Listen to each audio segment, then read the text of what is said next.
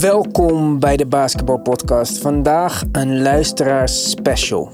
Wat is dat, zul je denken? Nou, dat is wat je krijgt als je zoveel goede vragen stelt dat wij een hele aflevering nodig hebben om ze allemaal te beantwoorden. Met mij vandaag Mark, Yo guys, what's up? Nick Goeiedag jongens.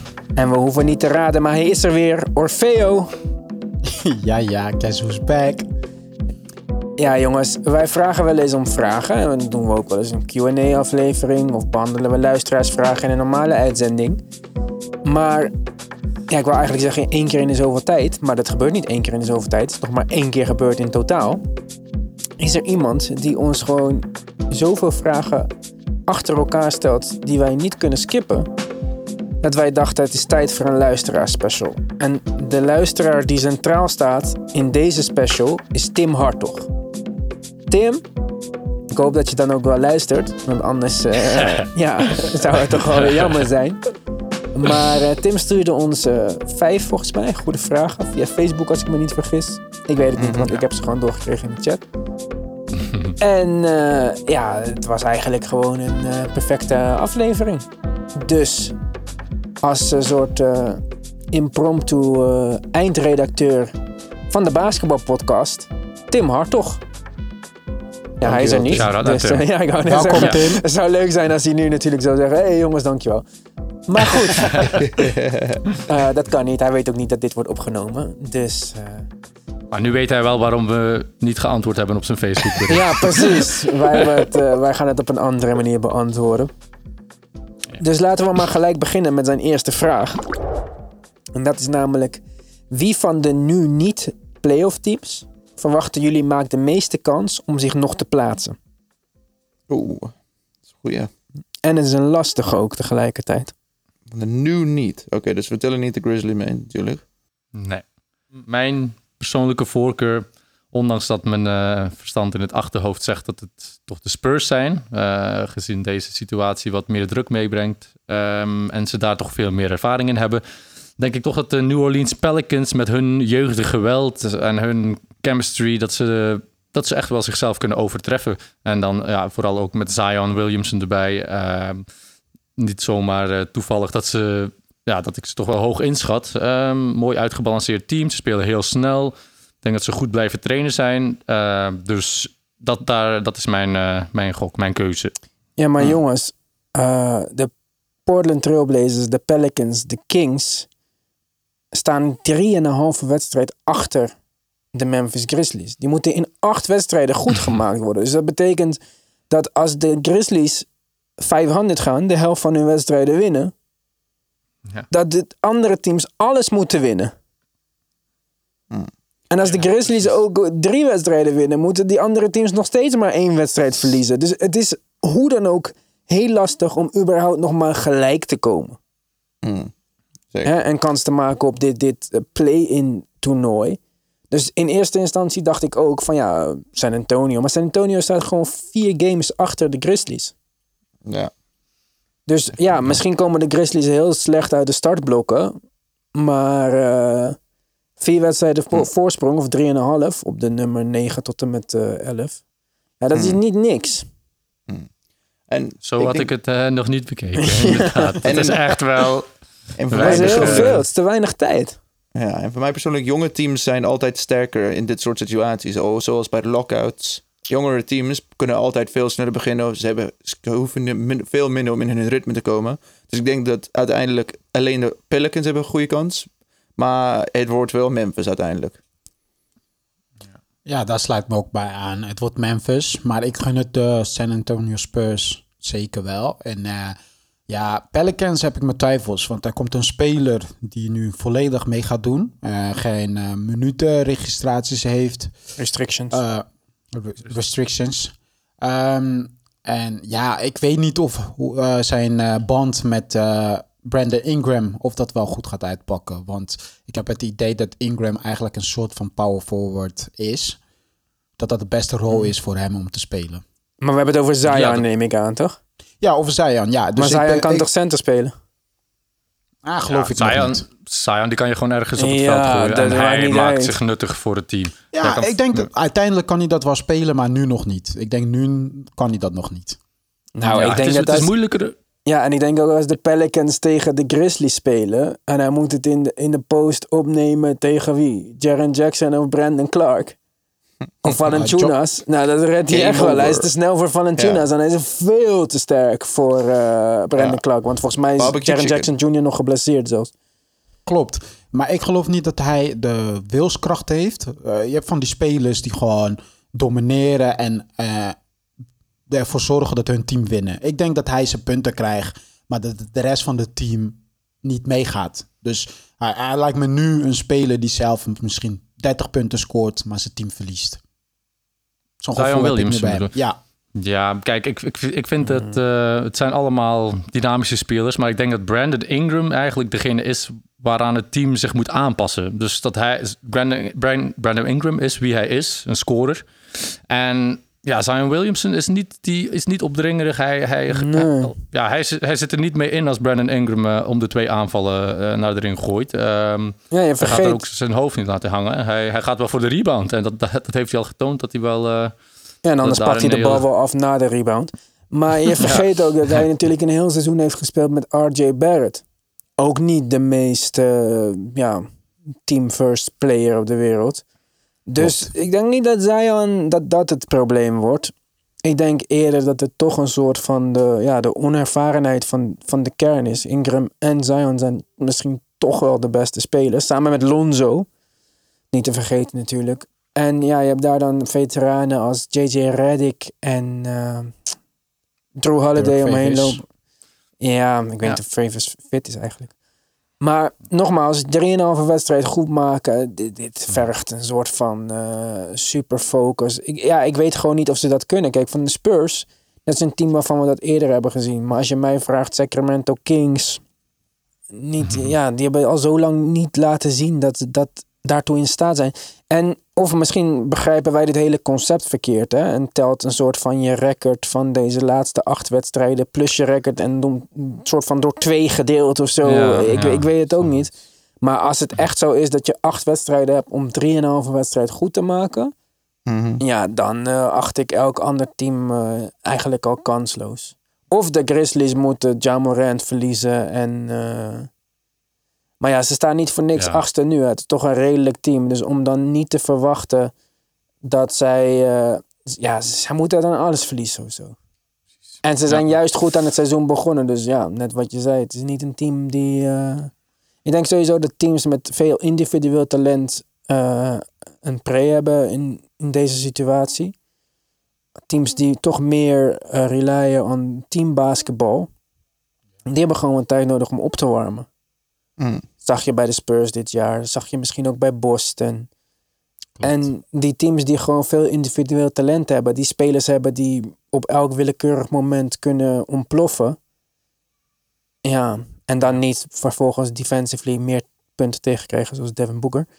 Die, eh, ja, die zijn toch in de beste positie. Maar ja, te veel wedstrijden. Het is, eh, ik denk dat het heel lastig wordt voor iemand om eh, zoveel wedstrijden goed te maken in zo'n korte tijd. Ja, mee Ja. eens. Dus dat was het voor de Western Conference. Dan in het oosten staat Orlando momenteel achtste. Negende zijn de Washington Wizards. Maar op vijf en een halve wedstrijd achter de Magic. Ja, ik, Ja. ik weet eigenlijk, ik, ik vind dit nog kanslozer dan eh, thuisblijven misschien. eh. ja. Als ik eh, Bradley Beal was, zou ik mijn kleren niet uitpakken. Weet je toch hoe Michael Jordan naar, dat, eh, naar een uitwedstrijd ging met maar één pak ingepakt en dat hij iedereen Ja. ging controleren? Nou, als ik Bradley Beal was, zou ik gewoon in mijn uniform in de bus gaan zitten, die wedstrijd spelen, verliezen en terug naar huis gaan. Ja, ja. Ja. Ja, hier, hier kunnen we inderdaad heel kort over zijn. Ja, dit gaat hem gewoon niet dat- worden. ja. Nee, mocht je nu zeggen dat, eh, dat de Wizards... Dat, dat John Wall bijvoorbeeld zou terugkomen... of dat er een andere reden is om, om ervan uit te gaan dat ze het goed gaan doen... maar, maar die is er gewoon eh, Ja. eerlijk gezegd niet. Of al, al, al begonnen we met een toernooi voor die achtste plek, met vier teams met gelijke kansen. Ja, Ja, ja. Dan, dan zou ik niet zeggen dat de Wizards per se veel slechter zijn dan de Nets of de Magic. Maar ja, het is gewoon te veel, jongens. Ja, inderdaad wel. Ja. Dus ja, ik vind, als, we het zo bekeken, dat hebben we eigenlijk helemaal niet gedaan voor de vorige afleveringen. Dan, ja, dan heeft het toch allemaal niet zoveel zin in acht wedstrijden. het, het is meer een soort van oefenprogramma voordat de Ja. play-offs beginnen. En tv-contracten. Dat was een van de redenen. TV-contracten. En ook gewoon nog even dat ritme terug erin komen van eh, regular games. Ehm, en maar voor de, ja, voor de seeding, maar ja, dan speel je of bij Donald Duck of bij Mickey Mouse of zo. Het is sowieso niet homecourt.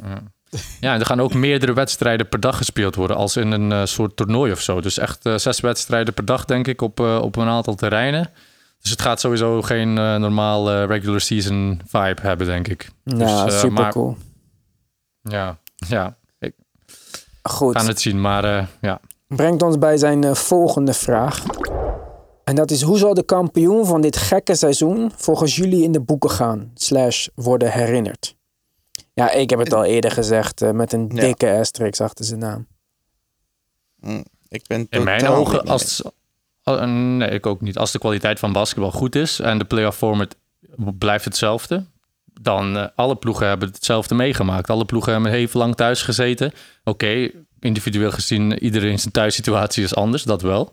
Maar ja, ze nemen terug op uh, op dezelfde moment. En er zijn weinig dingen waardoor het voor de ene ploeg eerlijker is dan voor de andere. Dus ik denk, als, het, als, het basket, als, als ze nu uh, gewoon een goed niveau basketbal spelen, dan uh, gaat er sowieso een asterisk bij staan, maar niet zo'n grote. Hm, En voor mij persoonlijk, je moet even denken, dit wordt, als je dit wint, heb je een hele bijzondere seizoen gehad. Je hebt hele andere dingen meegemaakt dat geen andere kampioen ooit in de NBA-geschiedenis heeft meegemaakt. Jij moest twee, twee maanden stop in het midden van het seizoen. Je moest op een neutral venue. Je had geen home court advantage. Je had helemaal niks. Je had ge geen familie bij je. Je had geen fans. Dit is echt, als je dit wint en ik, hopelijk is het uh, een team waar ik heel veel van houd. Je, met Kobe in ter geschiedenis, daarna geschiedenis. Daar is zoveel dat dit, dit, des, deze winnaar zal herinnerd zijn als een van de meest bijzondere. En je zal altijd denken de Corona Champions. Of je zou denken de, de, jaar, de Disney Champions. Dit wordt, je zult dit nooit vergeten in je leven. Dit jaar ook niet. 2020 zal je bekende jaar voor de rest van je leven of onze leven. Ja, Nee, ik denk ook dat het, het zal altijd sowieso wel in dezelfde zin genoemd worden. Net zoals dat als we het over het kampioenschap van de Spurs uit 1999 hebben, dan zegt iedereen in de shortened lockout season. Dus Hm. misschien dat het dan nu ook wordt in de shortened corona season. La la la la la. Ja, ik denk iedereen zou het gebruiken om zijn standpunt uh, te bekrachtigen. Zowel positief als negatief naar de kampioenen toe. Maar persoonlijk vind ik, dit laat gewoon zien van ongeacht wat er ook speelt in de wereld. De echte kampioenen die staan op, die staan klaar om te vechten en om te bereiken wat ze willen bereiken. Dus voor mij, dit maakt jou niet minder dan een kampioen van een normale seizoen. In mijn ogen ben je juist iemand, ongeacht wat er gebeurt, jij weet om het te doen Ja. wat jou, van jou wordt verwacht. Dat brengt ons bij de volgende vraag. Is dit een gemakkelijker slot van het seizoen door de rustperiode en het niet te hoeven reizen? Of zwaarder door het ontbreken van publiek en het thuisvoordeel? Ja, we hebben het er net al een beetje over gehad, over hoeverre, of in hoeverre wij dit seizoen als normaal of niet normaal inschatten. Ik denk dat de rustperiode echt voor iedereen een ander, een ander effect heeft. Kijk, in principe is Jannes niet een speler die rust nodig heeft en hij had geen basket thuis. Dus voor hem was het heel vervelend. Ik denk dat het voor bijvoorbeeld een James Harden, die meestal ergens in de playoffs vermoeid raakt van al het werk wat hij heeft moeten verrichten gedurende het regular season, zal dit weer een gemakkelijker iets zijn. En voor een speler als LeBron, ja, met hoe hard hij traint, je kan het niet echt rust voor je lichaam noemen, zeg maar, eh, die drie, vier maanden. Dus ja, ik, ik weet niet hoe jullie dat eh, zien qua werkdruk en rustperiode. Voor mij is het wat anders voor, voor LeBron bijvoorbeeld. Je zag het ook met Kobe en die soort mensen. Zij moeten, ze hebben een schema, ze moeten zoveel spelen, ze spelen dit en dit is gewoon ingebouwd. En de kans dat hij nu een blessure zal krijgen, want hij zal spelen in een andere tijdperiode dan hij normaal speelt. Hij had gewoon ineens gestopt, dus hij was niet aan het opbouwen. Want LeBron heeft een schema. Na het seizoen begint hij met het opbouwen tot een nieuw seizoen. En dan piekt hij in april. En dan gaat hij even dip en dan weer omhoog.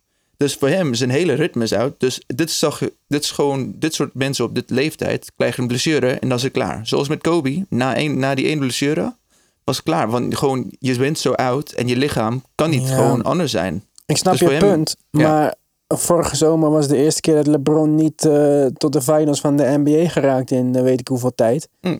En dat heeft hij toch ook eh, mooi opgepikt en eh, het beste van gemaakt. Want dit jaar kwam die heel sterk terug. Hm, zeker. Dus ja. ja, ik weet het niet. Maar volgens mij eh, is hij wel adaptable, zeg maar. Zeker. Ja, dat denk ik ook wel. Ik denk niet dat hij zodanig eh, in de kluts is, eh, zijn kluts kwijt is dat hij eh, zichzelf gaat blesseren. Mooie positieve voorspelling wel, Ja, Mark. ja. Maar, eh, Nee, nee, maar nee, ik denk, ja, bij, bij bijvoorbeeld een, eh, een anime-serie, Dragon Ball Z, heb je zeg maar een kamer waar eh, een hyperbolic time chamber waar geen tijd is. En daar gaan ze heen en daar gaat de tijd veel trager en dan kunnen ze extra hard trainen en zich extra goed voorbereiden. Dus wie weet heeft eh, deze lockout, ja nee, lockout is het niet, deze quarantaine ook zo'n ook zo'n effect dat iedereen extra op zijn eten let, iedereen extra met van alles en nog wat bezig is. En dan gaat het niveau zelfs omhoog, wie weet. Eh, Dus dat, maar ja, om de vraag ook te beantwoorden, de- het thuisvoordeel speelt denk ik nog, meer, nog een grotere rol, denk ik. ehm, zeker in die, ja, als er op het einde van de wedstrijd zoveel druk is. En alles wat je negatief doet, wordt eh, bekrachtigd door het eh, publiek, door het thuispubliek. Dat heeft wel een nog grotere impact, denk ik, dan de, dan de fysieke staat van de spelers. Want die gaat, denk ik, hoe dan ook wel goed zijn. Dus in mijn ogen Ja, is het, maar- eh, ja, Aan de andere kant, ik snap je punt. Maar aan de andere kant, normaal gesproken is het zoveel lawaai en eh, op zo'n laatste moment. Dat je daar ook misschien een soort van in opgaat of kan blokken of als white noise hoort. Nu moet je het laatste ja. schot nemen en je hoort de- ah, iedereen van de tegenpartij roepen: Je kan het niet, je gaat hem missen. Je hoort alle woorden. Het is niet meer gewoon ruis. Dus ja, er Ik- ja. gaat niemand kijken, toch? Of ja, er gaat niemand wat roepen, denk ik, als er geen publiek Vriend, als jij het is. laatste schot moet nemen en dan ga ik jou echt eh, belachelijk maken. Op dat moment ga ik alles, eh, alles roepen wat ik eh, maar kan bedenken. Ja, maar dat gaat dus nu toch niet gebeuren? Dus dat bedoel Tuurlijk ik, dat wel. valt weg. Ik ben toch Nee, ju- ja, gaan- de tegenstander gaat dat toch juist doen? Oh, de tegenstander bedoel je? Ja, ja, ja. normaal hoor je Nou, het niet. Het ja. komt uit het publiek. Het is gewoon één massa van lawaai. Maar je tegenstander gaat niet, eh, als jij een lay-up mist, gaat hij niet eh boe roepen of haha. Dan gaat gewoon de bal nemen en proberen te scoren. Dus dat, Nou. dat is toch een, andere, een ander soort eh, nazindering als je, als je wat misdoet. Of als je, ja, dus ik denk dat het, ja, ik heb nog nooit, eh, Ik hoor spelers, ja. als, ik kan je nu al een paar soundbites geven die sowieso gaan gebeuren. Na elke rebound die Carmelo Anthony pakt, gaat hij roepen, get fuck Ja. out of here. Eh, Ja, ik bedoel, maar dat soort dingen ga je toch meer horen. En ook ja, tegen je tegenstanders, die dingen ga je ook meer horen. LeBron kan moeilijk in defense een hand voor zijn mond gaan houden als hij zegt, eh, als hij wat gaat praten. ja, nee, precies. Dat is waar. Ja, ik denk het is wel gemakkelijker voor iedereen. Er is nu een even level field. Je hebt spelers die beter thuis spelen. En je hebt spelers die onder druk bezwijken. Zoals laatst in de documentaire van Penny Hardaway. à la Nick Anderson. Die throws achter elkaar missen. Ja, weet je, die onder druk. En ik denk, dit is meer een, eh, wordt een soort een, eh, eh, trainingachtige gevoel. Ondanks dat de, eh, eh, de- ja, als je verliest lig je eruit. Dus het is niet echt een training. Maar ik denk dat het, het nu in een even level field is voor iedereen. De mensen die beter thuis spelen, die hebben die voordeel niet. Mensen die onder druk van fans, want dat heb je gewoon sommige spelers. Spelen een beetje voor fans. LeBron James is er een van, die een beetje soms een show van wil maken. Als van- Rihanna naar mij kijkt, ga ik ook een show maken hoor. Ja, dat zou ik ook doen. Ik bedoel, kom op, wie niet? Maar nu heb je al dat niet. Dus nu is het gewoon spelen. En nu is het een soort een pick-up basketball game. Ja. Ja. Ja, het, eh, Maar- ik, ik weet het niet. Het, eh, ik denk, ja. Ik denk niet dat. Ik geloof nooit zoveel in thuisvoordeel, maar meer in uitnadeel. Omdat ik denk dat het nadeel van uitspelen groter is dan het voordeel van thuisspelen. En omdat nu niemand een nadeel heeft, ja, denk ik dat dat zwaarder telt dan het niet hebben van een voordeel. Want ja, wat, iedereen heeft dezelfde niet. slaapomstandigheden, iedereen heeft dezelfde koorts. Ja, Daar kan ik me wel in vinden, ja. Dat, dat, dat, eh, Het is gewoon eigenlijk, het is meer alsof je de Olympische Spelen gaat spelen. En je zit gewoon in Tokio in één hotel en je bent daar. Dan dat je het echt kan zien als een uit-thuis normale competitie iets. Ja, een vijandige omgeving, zeg maar. Maar eh, ja, maar gaat het daardoor een moeilijker of een makkelijker slot eh, zijn? Je denkt dus dat het Nou. makkelijker is. Ja, zoals teams zoals Sixers. Ik denk dat het gelijker... Ja, sorry. hun, spelen thuis veel beter dan wanneer ze uitspelen. Dat is Oeh, ja, dit seizoen zeker. Oh, ja, dus nee, voor ja. hun ben ik heel erg benieuwd wat voor effect dit gaat hebben. Ja, Ja. kijk, ik denk juist dus dat de Sixers in, dit, in deze situatie een, een voordeel hebben. Omdat ze gewoon dus heel slecht spelen. Hun eh, offensive eh, gameplan lijkt echt helemaal nergens op. Defensively zijn ze aan de andere kant heel sterk. Individueel zijn ze heel talentvol. Bijna elke positie speelt een mogelijke all-star. Op elke positie speelt een goede verdediger.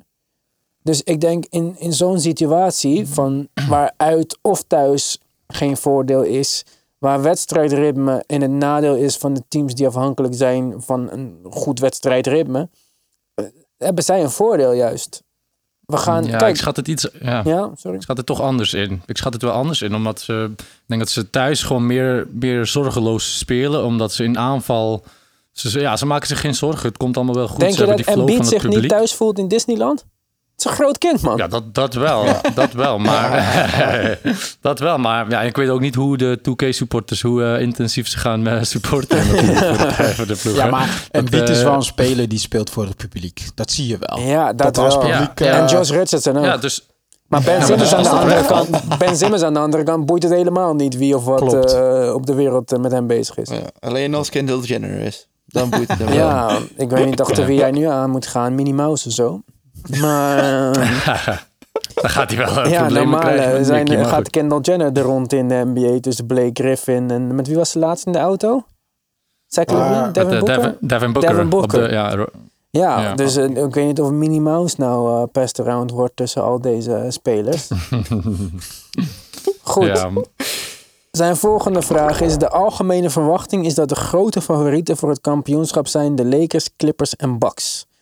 Zien jullie, zijn jullie het daarmee eens of zien jullie nog een andere kaper op de kust? Nou ja, ik heb al eerder gezegd dat ik denk dat eh, de Lakers gaan winnen. Nog steeds. Ja, Mm-mm. Ehm, dus jij schat het eh, oosten niet, eh, niet in als, eh, als echt even... Ja, nee, ik denk dat de, weinig kans. de. Bucks zijn natuurlijk sowieso goed. Dat, daar twijfel ik niet aan. Alleen, zoals we ook al eerder hebben gezegd, de Bucks spelen wel team basketbal. Daarvoor moet het kloppen met iedereen. Als bij de Bucks bij terugkeer bijvoorbeeld Chris Middleton's eh, shot een beetje off is, ja, dan is er een Ja. probleem. Ja. Bij de Lakers, ik weet dat eh, mensen nu gaan zeggen misschien dat ik een hater ben, maar daar is geen systeem. Hè? Dit is gewoon LeBron James en er wordt 90% van de aanval pick and roll gespeeld. Ja. En eh, LeBron hij, en hij leest dat perfect. ja, hij leest dat heel goed. Nou, een betere LEU partner, pick-and-roll partner dan Anthony Davis kan je bijna niet hebben. Ze zijn lekker samen aan het fietsen, taco's aan het eten en weet ik veel wat. Dus dat zit nog steeds goed. Dus Ja. de, de risicofactoren in zo'n team zijn veel kleiner Ja. dan bij de Bucks. De Clippers, dat weet ik niet. Want je kan ook denken, hey, Kawhi en PG hebben allebei eindelijk tijd gehad om hun lichaam te laten herstellen. Ja. Dat kan in hun voordeel spelen. Aan de andere kant, ja. als Lou Williams eh, te veel NBA 2K heeft gespeeld en tien wedstrijden nodig heeft om terug in het ritme te komen, dan hebben ze geen bank meer. Ja. Dus dat, Ja. dat, ik weet dat niet. Maar individueel hebben ze natuurlijk genoeg talent ook om zeker nog in de race te zijn. Ja, wie hebben we dan nog meer? Wie zijn er in het oosten? De Celtics, de Ja, de Sixers. Celtics, Ja, de Sixers niet Raptors, eens. de defending champs. Raptors misschien. ehm, ja, het ligt er een beetje Maar aan. Ik dat- weet niet hoe Kyle ik- Lowry uit nee. zo'n... eh, Misschien Siakam heeft gewoon nog even leren drie punten schieten in deze tussentijd. Die komt elk jaar terug met een nieuw kunnen. eh, wapen in zijn arsenaal. Ja. En vergeet Houston niet, hè? Elk jaar dichtbij en nu voor het eerst Ja. fit en Ja. Het is uitgerust. een perfecte situatie voor hen uiteindelijk. Het is alsof Voor Daryl hen Morey dit voorzag. dit is gewoon, hij had het allemaal al door. Ja, Daryl Ja, heeft het goed dus zij bedacht. kunnen wel eens, Maar aan de ja, zij andere kunnen wel kant... eens voordeel halen uit die gaan. Ja, en mensen hebben drie maanden gehad om te plannen tegen dit Westbrook als center systeem. Hè, waar ze de hele Ja. NBA mee verrasten door opeens om te schakelen. Dus Ja. let er wel op dat die eh, in, in, bij de terugkeer van het seizoen niet zo vaak vrij zal staan als dat eh, gebeurde na de switch. En verder denk ik, ja, welke, ik denk dus, ja, even kijken. Ja, Lakers, wat ik zei, omdat ze ten eerste al bovenaan stonden en naar mijn mening deze rust de minste impact heeft op hun speelstijl. Clippers Hmm. durf ik echt niet te zeggen. Ja, Sixers heb ik net al uitgelegd. Wie hebben we dan nog meer? Eh, Ja, ja, oh. Denver Nuggets. Drama. Oh, Ik denk, eh Jokic heeft 50 wedstrijden nodig om op All-Star vorm eh, te geraken. In All-Star vorm te geraken.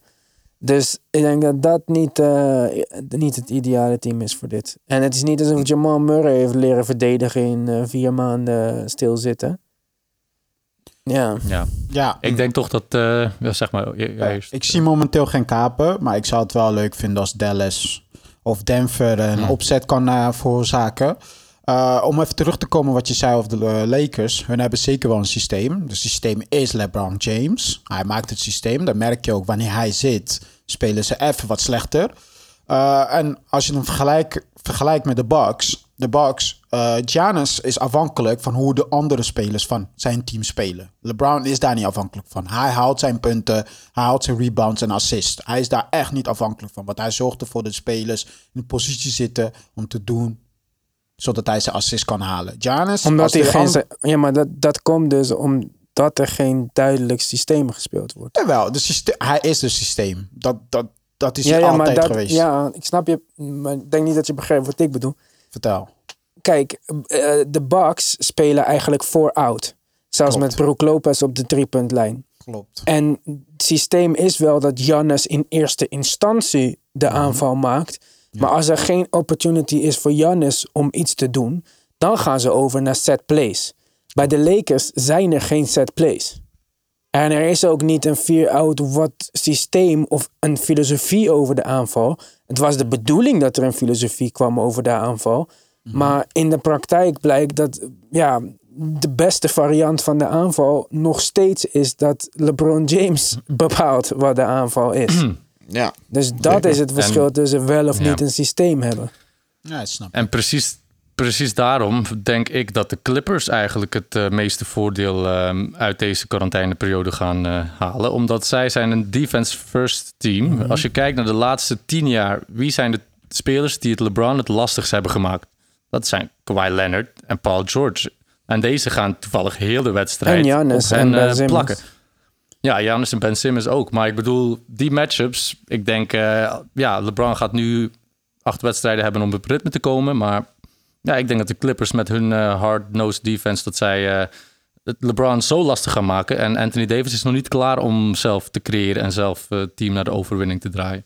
Maar ja, goed, dat is aan LeBron om, eh, om nu te bewijzen dat hij daarboven staat. En dat, ja. Maar ik denk dat de Clippers er eh, het, het, beste gaan uit, eh, het beste gaan uitkomen. Dat zij toch eh, nog gaan winnen van dit Ik denk jaar. zeker wel dat als je, als je defense goed is, dat je wel een streepje voor hebt bij, bij deze hervatting. Hmm. Kijk, iedereen zal wat roestig zijn offensively. Maar als jij net ietsje beter bent defensively. Kijk, dan, soms, zeg maar, bijvoorbeeld tegen Houston of tegen Golden State. Niet om te zeggen dat zij nou ten alle tijden super slechte defense hebben. En Golden State natuurlijk sowieso niet. Maar hun aanval was in heel, eh, was in heel veel gevallen zo goed dat het eigenlijk niet uitmaakte wat voor defense je op hun gooide. Want ze outscoren jou. Maar als je in moet komen en je offense is nog niet op de volle 100% en je speelt tegen een team die net 5 tot 10 extra stops maakt per wedstrijd, ja, dan bepaal je het op zo'n manier. En dan inderdaad zijn de defensive-minded teams als de Clippers, als de Sixers, als de Raptors wel in het voordeel. Als Houston's Ja, offense niet waar. loopt, dan heb je een probleem, want er is geen defense. Bij de Utah Jazz, waar we het helemaal niet over hebben gehad, ontbreekt misschien hun tweede beste offensive player in Bogdanovic. Als Ingles al bereid is om, om te gaan spelen. Dus eh, die missen offense, ook al zullen- zal hun defense wel eh, in orde zijn. Maar ja, ik, ik, eh, hij noemde dan de Lakers, Clippers en de Bucks.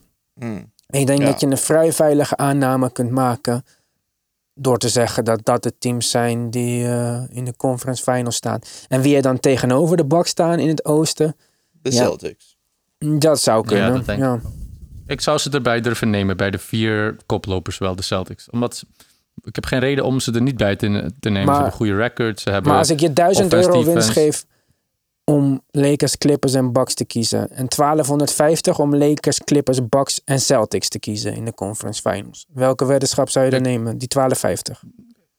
Ja, ik neem de, de Celtics erbij. Ik, Ja? ik weet niet waarom, maar ik heb toch meer... Nou, Ja, misschien nu minder, omdat het eh, thuisvoordeel van de Boston Garden, eh, van de TD. Garden, een beetje wegvalt. En dat brengt altijd toch ook wel wat extra magie mee.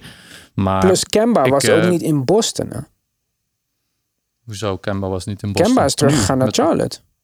Ja, maar hoe dan ook, eh, zij, hij zal het contact met het team zeker wel goed onderhouden hebben. Ik denk dat je daar... ja, maar eh, contact met het team of stiekem samen trainen, dat is wel een groot verschil.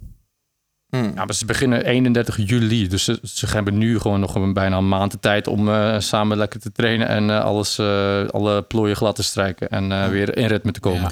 Ik denk Boston die miste een winnende veteraan. Eh, Kemba heeft nooit echt iets bewezen. En verder die andere jongens zijn nog te jong. Eh, Ik Al denk dat dit het seizoen van Gordon Hayward wordt. Het comebackjaar. Hij speelt voor een titel. Hij is hersteld van alle... Nee, ik weet het niet. Maar Sammy Ojale. ik heb niks tegen Ik Gordon het. Hayward. Het zou leuk zijn als hij juist eh, als hij terugkomt. Brengt ons bij de volgende vraag. Zijn volgende vraag is... Moeten deze acht reguliere wedstrijden... wat jullie betreft nog invloed hebben op de individuele awards... zoals de MVP en Defensive Player of the Year... of zijn die prijzen al vergeven? Nee, maar ik verwacht wel dat mensen toch een discussie gaan proberen te starten indien LeBron opeens hele gekke stats gaat neerzetten. Want dat was al voordat het seizoen zogenaamd over was, was er al een soort van discussie. Terwijl ik, ik twijfelde van, is er echt wel nodig om een discussie te hebben? Want ja, Giannis deed het gewoon zo goed. Dus ja, ik denk dat de mensen toch wel gaan proberen om een discussie van te maken als LeBron opeens, eh, weet ik veel, 40 punten gaat, eh, als een average gaat krijgen of zo. Maar jij vindt dat het niet meer Nee. mag Nee, meetellen? die acht wedstrijden. Ondanks dat het- nee. En waarom niet dan? Ja. Het zijn toch regular, regular Ja, season acht games? wedstrijden die- tegenover, En hoeveel waren er? 60? Ja, ja, nee, maar ja, het is niet omdat de MVP al in jouw ogen vast ligt, maar de andere awards kunnen toch nog wel eh, beslist worden in deze Oké, acht maar stel je voor dat nu... Kijk, oké. De leader in de Rookie of the Year trophy was Jamoran, toch? Ja. Ja. Want het algemene geacceptabele mening was, of geaccepteerde mening was dat Zion te weinig wedstrijden heeft gespeeld. Ook al vond ik wat Zion heeft laten zien in die paar wedstrijden wat hij deed uiterst indrukwekkend. Stel je voor dat de Pelicans nu de achtste plek veroveren en naar de playoffs gaan. En dat Zion al deze wedstrijden speelt en 25 punten, 30 punten, 10 rebounds gemiddeld heeft. Dan, kan je, dan wordt het zo moeilijk om nog te zeggen van... Ja, John Morant is Rookie of the Year. Want dan is de, de, de verse, meest verse gedachte... is het de overweldigende kracht van Zion. Maar dan ga je ervan uit dat Ja Morant dan wel heel slecht was die laatste acht Nou, maakt voor mij wedstrijden. niet uit. Als de, als de Grizzlies Nee? nu vier wedstrijden verliezen en uit de playoffs raken, dan hebben ze het zwaar verpest. Dan kan Ja Morant 35 punten scoren, maar dan was het niet winning basketball.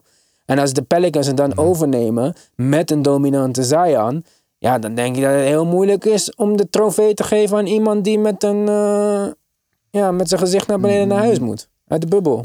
Ja, ik kan, ik, kan me alleen maar, ik kan er alleen maar vrede mee hebben als Ja Morant echt nu een beetje door de man valt, laten we zeggen. En dat Zion echt nog steeds eh, dat niveau aanhoudt. Als, als ze allebei top spelen, dan, ja, dan heeft gewoon Ja Morant in, Een in- teamprestatie maakt, goed. niks, maakt niks uit op dat moment. maakt uit, maar niet, zo, niet eh, doorslaggevend in, deze, in dit geval, eerlijk gezegd. Ehm, want hij heeft ze wel naar de playoffs gebracht. Eh, of toch bijna. Hij heeft toch wel, ze staan nu op de achtste plek in het, eh, in het Westen. Dus dat is toch eh, een teamprestatie, lijkt me. En dat is toch wel mede eh, bijna alleen maar door eh Ja Morant. Dus dat, eh mijn oog heeft hij die award wel verdiend, maar ik begrijp het. Maar wie is jullie Rookie of the Year? tegenargument. Is het Ja Morant? Ik Ja, zou, zeker. Zonder twijfel. Oké. tenzij, hij, tenzij hij nu door de man valt en Zion... eh, Ook al valt ja, hij door de 30 punten band. per wedstrijd. 60 wedstrijden tegenover 8. Ik, ik snap niet eens dat er een discussie niet, over is. Ja, maar Zion heeft Nee, meer dan Zion acht heeft- wedstrijden gespeeld, hè? Ja, Ja, maar Zion ik bedoel, heeft wel hij stond al ver achter. Want volgens mij stond hij niet eens in de top 2. Als eh in eh, rookie eh, eh, wedstrijden. Dus ja, ik snap het niet dat er nog een discussie is. Want opeens, laatste acht wedstrijden speelt hij heel goed. Oh, oké.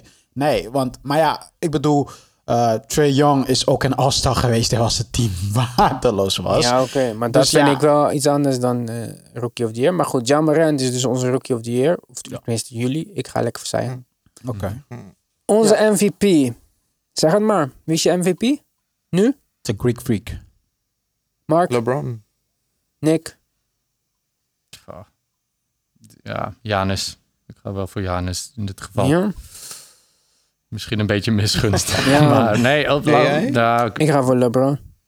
Kijk. Oh, dat zag niet aankomen. Ja, Nee. bijna dezelfde record als de Bucks. Ja. En Giannis was waarschijnlijk geblesseerd ook. nee, ja, maar met een ja, slechte Voor mij zijn die laatste, Ja. ja. voor mij zijn die laatste acht wedstrijden gewoon nog heel belangrijk. ja, precies. En, helemaal mee. eens. Nick houdt een slag om de arm voor zijn keuze. Defensive Player Ja. of the Year. Niet Rudy Gobert. He's offensive. Hij heeft niet alleen één speler gestopt, hij heeft de hele league gestopt. Maar, Dat is toch eh, wel knap, hè? Ja, dat is toch wel... Ik Ja. niet zoveel spelen. Kijk, ik, ik ben sowieso. Ik, ik moet je eerlijk zeggen dat die centers, Defensive Player of the Year. En dan Mhm. heb ik het niet alleen over Gobert, Gobert, maar ook Dwight Howard en zo. Ja, Wat? ja maar kijk, ik, ik zeg niet dat centers niet belangrijk zijn. Of net als Nick, dat ze er alleen maar zijn om picks voor mij te zetten. maar ik vind het toch wel een stukje meer indrukwekkend als je iemand één op één kan stoppen. Dan als je je rol goed kent in team defense en de ring verdedigt. Zelfs als je twee of drie blocks per wedstrijd average. Wat Rudy Gobert trouwens niet eens average. Maar ik ben ten alle tijden meer onder de indruk van Kawhi, Paul, Paul George en Ben Simmons. Dan van Rudy Gobert en zelfs Giannis of AD. Die een soort van ja, help defense specialisten zijn. Want zo zie ik het. Het is help defense. Het is de laatste optie voor in de team defensive plan. En ja, zo krijg je inderdaad rebounds en extra blocks en steals en zo. Maar gewoon iemand één op één stoppen, zoals Kawhi en Ja. PG en Ben Simmons doen. Ja, dat, dat is voor mij, eh, ik, ik vind dat... eh, Geen total package, zeg maar. ja, Die- ik snap die- het die wel. Dat met zulke stats en dan heb je waarschijnlijk ook een fantastische defensive rating. Maar ik vind dat gewoon. Ja, misschien duikt. Ik denk zelfs als je nu naar Kawhi kijkt, dat hij niet opduikt bij de defensive stats dingen en zo. Maar deze man maakt Ja. steals met met zijn ogen de andere kant op. Ja. En, Grijpt de bal, hij palmt de bal zonder ernaar te ja, kijken. en bijna. dat is ook net als met Ben Simmons. Die doet ook niet de hele tijd rah rah Patrick Beverly en zo. En dan vind ik trouwens nog in de tweede categorie Patrick Beverly en Marcus Smart en dat soort. En Kyle Lowry, dat vind ik dan ook nog defensively echt grote aanwinsten. En veel meer aankomend op talent dan op team defense. Maar zo'n speler, net als Gobert, het is gewoon de team defense. En ik, nogmaals, ik zeg niet dat het niks voorstelt of zo. Hoor. Maar het is wel de team defense die zegt van oké, als we hem niet kunnen eisen, dan sturen we hem naar de basket toe. Dan zorgen we dat Gobert met twee passen of anderhalve pas van de basket staat om daar de last line of defense te zijn. En ja, dat is iets anders dan gewoon zeggen voor de wedstrijd, oké, hoe gaat LeBron? Yep. Ja, helemaal mee eens. En daarom En zou ik stemmen voor Ja. Bam Adebayo. Bam Adebayo, ja. Ja, op zich... maar eh, ik ben er... hij heeft nu niet de aandacht, hij heeft niet de aandacht gekregen, denk ik, in dat Ik zou hem wel eh, in de most improved eh, categorie zetten. Zeker. Uh, ik ben wel met je mee eens wat je probeerde uit te leggen. En het is heel duidelijk. Maar je moet net niet zeggen, vergeten... probeerde, ik heb het goed uitgelegd. Ja, ja, ja. nee, je hebt het heel goed uitgelegd, dat zeker. En ik ben er wel met jou mee eens, maar je moet niet vergeten, haal je Rudy weg en je zet daar eh, Cat neer, ja, dan, dan valt heel de Maar systeem nu uit heb je het over de slechtste speler Ja, maar- in, eh, op maar de positie. Maar haal hij- Rudy weg en zet Wie? Mitchell Robinson neer. Oh, dan, nou, dan wel verschil hoor. Jawel, ik zie wel verschil. Want Mitchell Robinson Ja, maakt maar soms Rob- fouten ja, dat ik denk, eh Ja, gast. maar Mitchell Robinson speelt twee jaar in de NBA voor de gekste organisatie op de planeet. Klopt. En Rudy Gobert speelt eh, tien jaar voor een van de beste organisaties met een van de beste coaches in de NBA. Oké, maar dus jij denkt dat eh, Mitchell Robinson dezelfde impact gaat hebben over tien jaar net als Rudy Gobert? Als hij niet voor eh, New York speelt, maar gewoon. Ik denk dat. Kijk, die ik denk dat Gobert in een goede situatie is.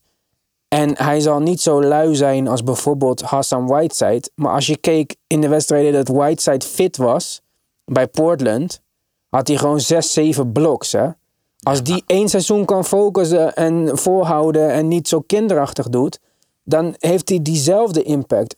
Bij de Jazz, het is zo'n goed systeem. En bijna alle Ja, bloks kan- van Gobert, zijn, het zijn niet inzichtbloks. Het zijn gewoon, oké, ik zie het alweer gebeuren. Zo'n arme speler gaat om de pick heen, loopt naar de basket. Hij denkt dat hij vrij spel heeft. En daar is eh, Rudy Gobert. Ja, maar Hij oké, staat- Ja. Hij is zo lang. zo- Zijn close-outs zijn zo goed. Het systeem. Ga maar even goed kijken naar Utah Jazz wedstrijden. Het defensive eh, schema van Utah is echt eh, heel mooi om te zien. ja, maar hij zorgt ervoor dat die systeem kan werken. Dus, ja, maar vind ik dus niet. Nou, ik, Net zo. ik, Ik vind het, ja, nee, ik ben het er wel mee eens dat hij zorgt dat het systeem werkt. Zonder hem is er gewoon geen, niet die defense, maar zet daar een, een JaVale McGee Ja. of, eh, of een DJ Mbenga bijvoorbeeld. eh, dat enige wat ik kon. Ik vind, ja, en ik zeg niet dat hij geen goede defensieve player, speler is, maar ik vind de beste defensieve speler, die moet in mijn ogen ietsje, veel, ietsje meer veelzijdig zijn op dat vlak. Ja. En veelzijdig kan je niet zeggen dat hij is en daarom... Kijk, Bijvoorbeeld Dwight Howard, daar had ik minder problemen mee. Omdat het, hij stak er wel echt een beetje met kop en schouders en bovenuit. hij was nog een En betere postverdediger. Want kijk maar, als Embiid Ja. tegen Gobert speelt, niks aan de hand voor Embiid. En als je dan, dan speel je tegen ja. defensive player. Dus je wil zeggen dat als, als ik op mijn positie mijn tegenstander de defensive player of the year is, dan zou ik toch moeite moeten hebben met hem. Iedereen die tegen Kawhi of PG of Ben Simmons of eh, iemand in die... Ja, die heeft moeite. Embiid heeft geen moeite met Whiteside, met eh, Gobert. Hij is gewoon optimaal benut in het defensive scheme van zijn team. En eh, zeker door hem zijn ze op deze manier gaan spelen. Maar ook door eh Kyle Korver bij Atlanta konden ze op die manier spelen. Je, je kijkt, dus goede coaches kijken nou eenmaal naar de beste attributen van hun spelers en maken daarop het systeem. Klopt. Dus Iwan, eindstand, Defensive Player of the Year. Dit jaar, Ja. Ben Simmons. Ben Simmons. Gewoon Ben Goede Simmons. keuze. Goede keuze. Ik zou voor Janis durven gaan, om, om, wat het zo lang geleden is dat er iemand MVP en Defensive Player of the Year kan worden. Zeg Ze zijn maar. volgens mij de eerste Zal- spelers sinds Michael Jordan zijn.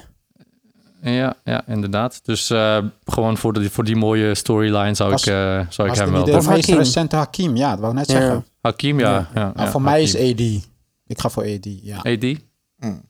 Hij boezemt mij niet die angst in, maar hij is ja, zo veelzijdig dat, dat- ik, eh, ik kan er Om niks tegen inbrengen. kort nog Ja, wat over is- te zeggen. eh Blocks, net als Hassan wat zei, die gaat voor de Blocks, want die wil zijn NBA 2K rating heel hoog hebben. Maar Blocks betekent niet dat je een goede verdediger bent. Net als Allen Ja, maar Iverson. wat heeft Gobert nog over dan? Ja, maar nee. Hij zorgt ervoor dat spelers zich bedenken van... oh, Gobert is in de buurt, ik ga andere kant op. Eh, net als Allen Iverson, die had heel veel steals. Maar niemand gaat zeggen Allen Iverson was een stopper of zo... die iemand tegenhield. Dus Stopper Ja, niet, maar net als Curry, die slechte heeft ook steals. Maar hij is ook geen goede verdediger. Steals Ja, maar en is ook geen slechte verdediger. Ja, maar ik zeg ook niet dat steals of blocks alles zeggen. Nee, nee, maar ik vind dat eh, Iverson of eh, Curry steals meer zeggen dan Giannis steals. Want Giannis is heel vaak de, de, de help defender en kan daarom in de passing lane spelen. Maar als jij gewoon steals maakt door de bal af te pakken van iemand, dan is er een verschil tussen passing lane steals Mhm. en de bal afpakken steals. Allen Iverson had de bal afpakken steals. Dus ik vind dat dat is ook een teken van verdedigen, anticiperen waar de bal komt. Als je kijkt naar Matisse Tybel, die houdt gewoon zijn man tegen en Ja. opeens heeft hij de bal in zijn handen. Die kan gewoon twee dingen tegelijk, zijn man verdedigen en de passing lane eh, in de gaten houden.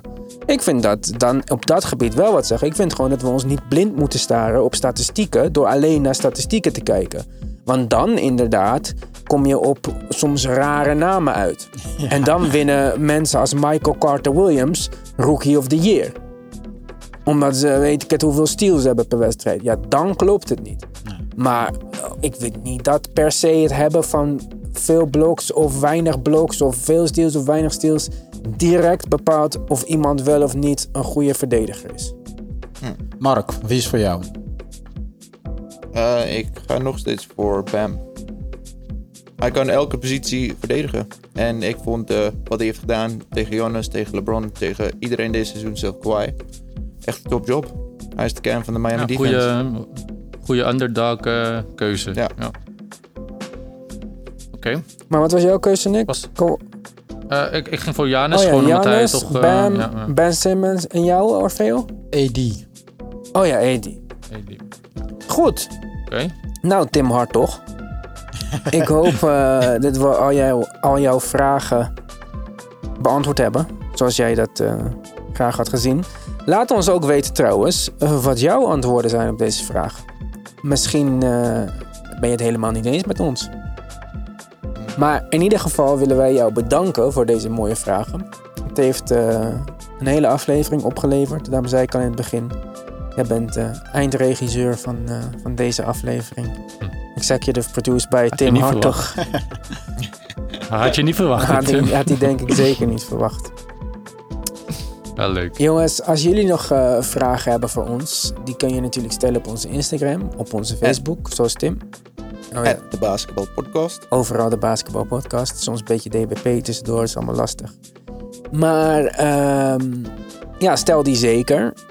En als je even tijd hebt, laat dan even een 5-star review achter op Apple Podcast. Vinden wij zo leuk. Elke keer worden we weer zo blij als er een nieuwe review is. Ja, ja toch. Wij zijn er eh, morgen weer, vrijdag weer. Ik weet het even niet wanneer de volgende aflevering uitkomt. We moeten even kijken hoe ons trainings, eh, trainingsschema verloopt. Ja. Of wij wel uh, wedstrijd fit zijn voor de volgende uitzending. Voor vandaag zeg ik bedankt voor het luisteren en tot de volgende keer. Yo. Hi guys.